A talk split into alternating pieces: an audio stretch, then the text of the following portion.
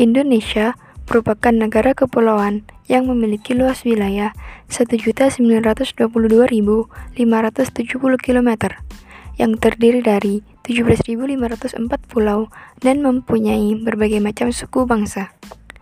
Pada masyarakat Indonesia, diikat dalam prinsip persatuan dan kesatuan bangsa yang kita kenal dengan Bhinneka Tunggal Ika.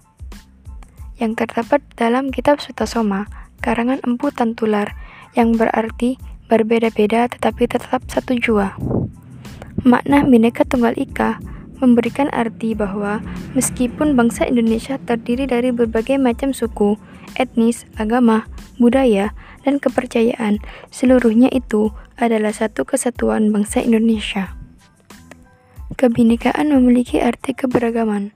Pada masa kemerdekaan, kebinekaan memberikan nilai yang sangat inspiratif di mana bangsa Indonesia merdeka di tengah kebinekaan masyarakat dengan tetap memiliki tujuan dan semangat gotong royong yang sama untuk mencapai kemerdekaan dalam konteks wawasan kebangsaan dan konteks wawasan Nusantara yang merupakan cara pandang bangsa Indonesia perlu menerapkan semboyan Bhinneka Tunggal Ika agar kita mengingat kembali bahwa bangsa Indonesia tidak hanya terdiri dari satu suku atau satu agama, tetapi bangsa Indonesia terdiri dari berbagai macam suku, budaya, bahasa, dan agama.